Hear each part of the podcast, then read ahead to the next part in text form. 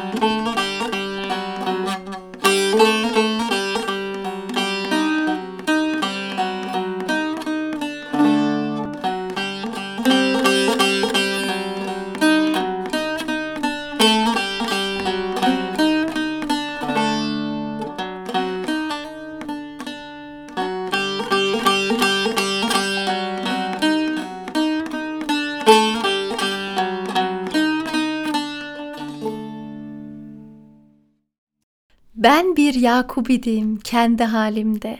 Mevla'nın ismi var idi dilimde. Aldırdım Yusuf'u Kenan elinde. Ağlar Yakup ağlar Yusuf'um diyor. Kaybettim Yusuf'u Kenan elinde. Ağlar Yakup ağlar Yusuf'um diyor. Çok güzel, çok içten bir ilahi mi desem, türkü mü desem, Hazreti Yakup'un hayatını bir nebze ele almış olan bir hikaye. O kadar derin, o kadar güzel bir hikaye ki bugünkü konumuza iyi uyar diye düşündüm. Çünkü söz konusu yapılan iyilikler. Hazreti Yusuf'un da niyeti çok güzeldi kardeşleriyle iyi geçinmekti. Fakat kardeşleri tarafından ağır bir imtihana tabi tutuldu. Birden kuyunun içerisine attılar kardeşleri Hazreti Yusuf'u ve Hazreti Yusuf kimsesiz tek başına kuyudayken tabii ki Allah'ın yar kimsesiz derken zaten kimsesiz değil. Allah her zaman insanın yanında. Hemen Allah'ın yardımı geldi ve Hazreti Yusuf'u o kuyudan kurtardı. Hazreti Yusuf şimdi yapılan iyiliklerin boşuna olduğunu, neden bana acı olarak geri döndüğünü düşündü mü bilmiyorum. Belki aklından geçirmiş midir Allahu alem. Tabii ki insanın içerisinden böyle sorular geçebiliyor. Fakat Allahu Teala'ya bağlanarak çok çok düşük kalıyor bu soru aslında. Fakat ben Hazreti Yusuf'un hikayesinde şunu çok çok beğeniyorum. Nasıl da Allahu Teala o derin kuyudan Hazreti Yusuf'u kurtarıp da Mısır'a sultan ediyor.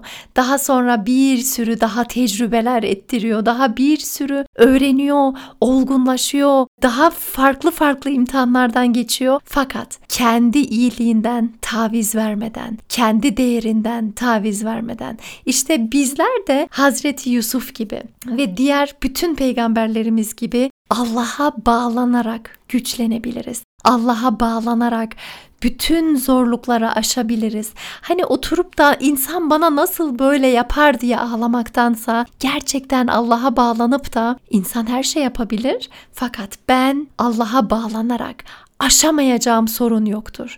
Ben kendimden kendi iyi yönümden taviz vermediysem, kendi iyi yönümü beslediysem eğer gerisi Allah'a kalmış. Başkaları kötülük yapıyorsa o ona kalmış bir şey. Benimle alakası olmayan bir şey. Soruya cevaben aslında hiç böyle başlamayı düşünmemiştim. Çok değerli bir takipçimizden gelen bir soru üzerine başlayacaktık bu bölüme. Direkt ilahiden daldık.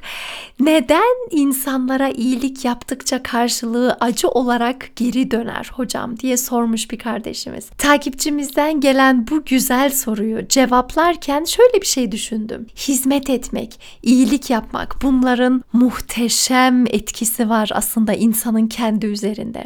İlk önce 3 tane mucizevi etkiden bahsedelim.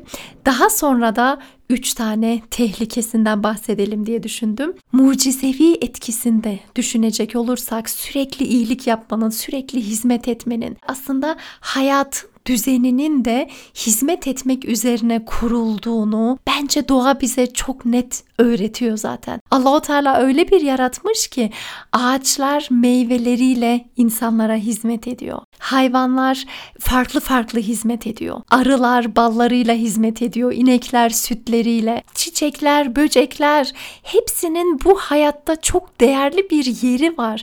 Ağaçlar aslında sadece meyveleriyle değil o salgıladığı maddeler sayesinde bizler nefes alabiliyoruz. Her şey o kadar birbirine bağlı ki bu hayatta. Herkes sanki böyle birbirine muhtaç. Herkes birbirine aslında hizmet etmek için var. Fakat eğer ben hizmet etmeyi bırakıp ben ben ben dediğimde her şeyi kendi cebime koyduğumda her şeyi kendimce artık kendimi bir şey sanıp e, yüce olduğumu düşünüp herkesin bana hizmet edeceğini düşündüğüm anda kaybediyorum. İşte Allah'ın yarattığı bütün doğadaki güzellikler hep hizmet etmek üzere var. Güneş doğuyor, batıyor. Herkes kendi görevini yapıyor. Fakat Allah'ın yarattığı insan işte insan olarak bu görevi tam da yerine getiremiyoruz. Çünkü bazen hırsa kapılıyoruz. Bazen o vicdani, o şefkat dolu yönümüz değil de o hırslanmış, o gözü doymayan bir hale bürünebiliyoruz. İşte mucizevi etkisi aslında hayatın ritminin bu olduğu. Yani her şey hayatta zaten hizmet etmek üzerine, başkasına vermek üzerine kurulmuş. Ve insan da eğer hayatın bu ritmine katıldığı zaman aşırı şekilde kazanım elde edebiliyor. Kendi değerini arttırabiliyor. Çünkü Örneğin hani ben eğer bir ortamda her gün temizlik yapıyorsam, yemekleri yapıyorsam, mesela bir anneyi düşünebiliriz. Bir ailenin içerisinde bir annenin bugünden yarına yok olduğunu düşündüğümüz anda sistem çöker. Annenin ve babanın her gün düzenli bir şekilde bulunduğu ortama yani ailesinin içerisinde bir değeri var. Baba da anne de evlatları için bir sürü şeyler yapıyor ve bu şeyler olmadığında çocuk olarak diyorsun ki Allah artık yok bu. Ne güzeldi eskiden böyle böyle vardı ama artık yok. Ve hangi ortamda olursa olsun sadece aile ortamında değil bir komşu olarak bir mahallenin herhangi bir üyesi olarak orada benim eğer onlara faydam dokunuyorsa ben olmadığımda herkes beni arayacak ve benim değerime değer katmış oluyorum ben bu şekilde. Aranacaksam eğer herkes hay Allah ya onun yokluğu çok görünüyor dediği anda zaten seni arıyor oluyor. Senin değerini fark etmiş oluyor. İyilik yapmanın ve hizmet etmenin ikinci mucizevi etkisi sana uzun vadeli huzur vermesi. Çok yenice okuduğum bir makale maalesef şu an ismi aklıma gelmiyor ama bulduğumda açıklama kısmına ekleyeceğim. Orada çok net belli oluyor ki insan kendisi için bir şey aldığında kısa vadeli mutlu olabiliyor. Kısacık bir sevinip geçiyor sonra. Ama başkaları için bir şey aldığında, başkalarına yardım ettiğinde, başkalarına bir faydası dokunduğundaki huzur çok daha derin olduğu, çok daha uzun sürdüğü etkisi ve çok daha içten bir mutluluk verdiği bu araştırmada belli oluyor. Bu yüzden hizmet etmek, insanların mutlu olmasına birazcık bile olsa bir katkıda bulunabilmek uzun vadeli huzuru iç dünyanda oluşturuyor. Ve hizmet etmenin ve iyilik yapmanın oluşturduğu üçüncü mucizede insan hizmet ettikçe, iyilikler yaptıkça, elinden ne geliyorsa insanlar için, çevresi için yaptıkça aslında kendisinden veriyor gibi görünse de aslında kendisine çok şey katıyor. Hani okulda da diyoruz ya eğer tam öğrenmek istiyorsan başkalarına öğret daha derin öğrenebilirsin. İnsan öğrettikçe öğreniyor. İnsan verdikçe parası fazlalaşıyor. Evet bu matematiğe aykırı bir durum olabilir ama Kur'an dilinde aynen bu şekilde. Hani Allah'a bir adım gittiğimizde Allah bize bir adım gelmiyor. On adım geliyor. Kat kat daha fazlası olduğu gibi geri dönüyor. Ve ben örneğin eğer verdiğim bir 10 TL ise 100 TL, 1000 TL, 100 bin TL olarak bana geri geliyor.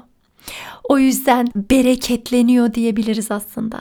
Benim verdiğim belki ufacık bir gülümseme, belki karşımdaki çok zor anındayken ona böyle bir attığım bakış, bir içtenlikle davranmam, bir samimiyet işte bu kat kat bana geri gelebiliyor ne kadar güzel etkiler, ne kadar güzel mucizevi şeyler olsalar da elbette yapılan iyilikler de bazen tehlike de barındırabiliyor. Burada biraz dikkatli olmamız lazım.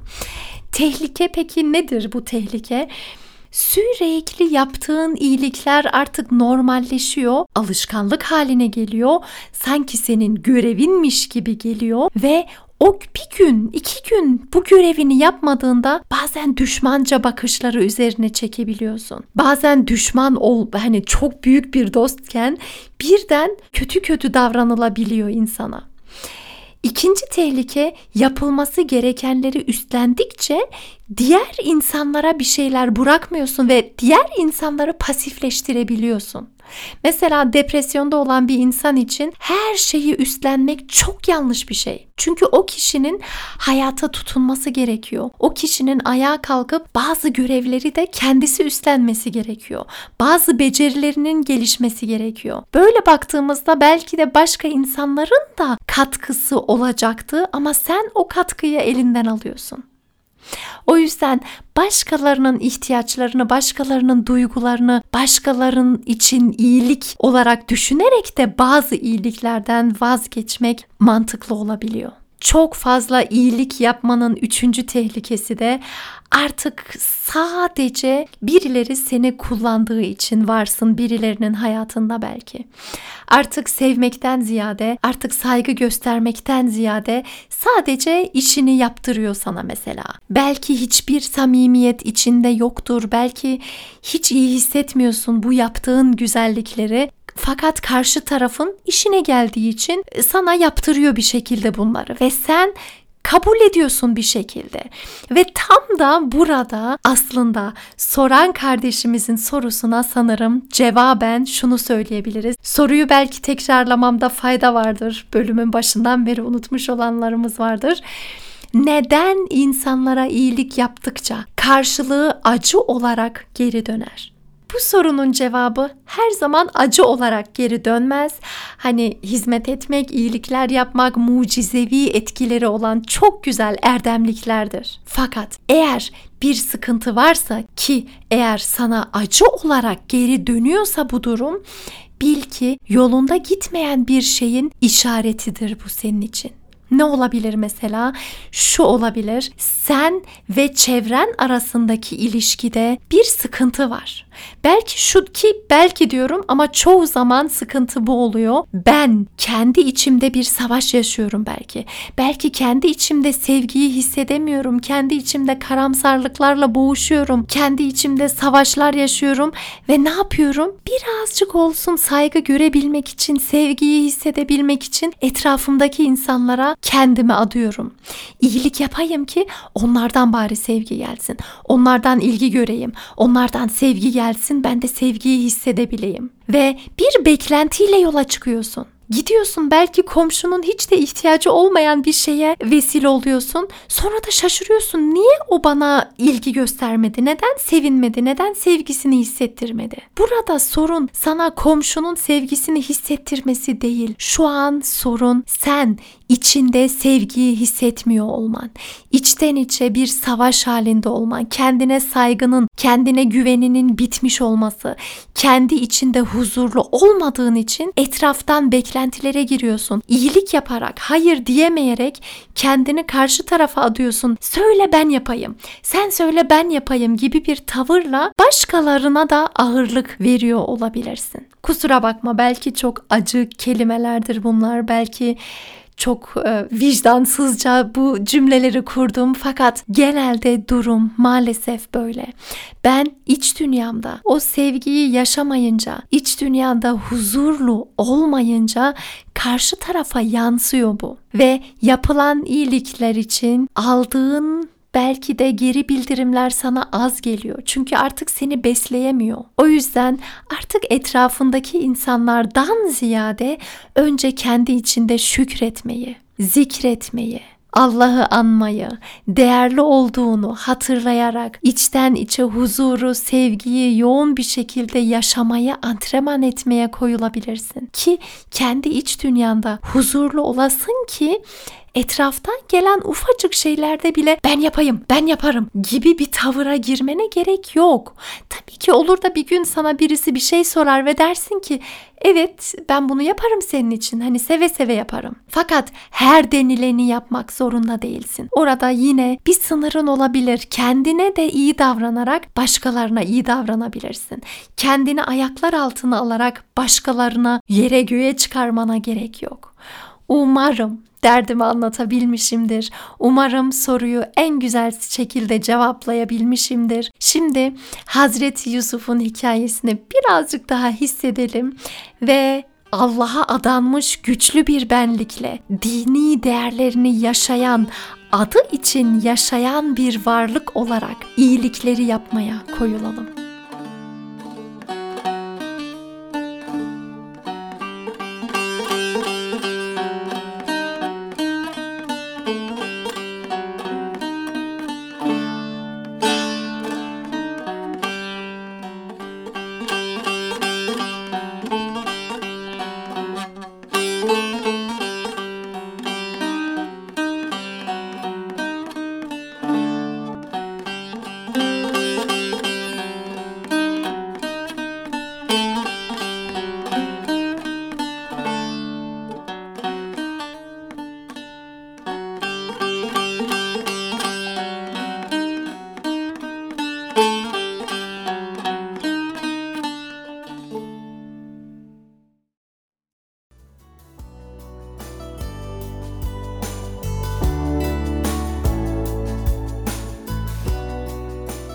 Bir bölümün daha sonuna geldik fakat bu son diğer sonlar gibi bir haftalık bir son değil.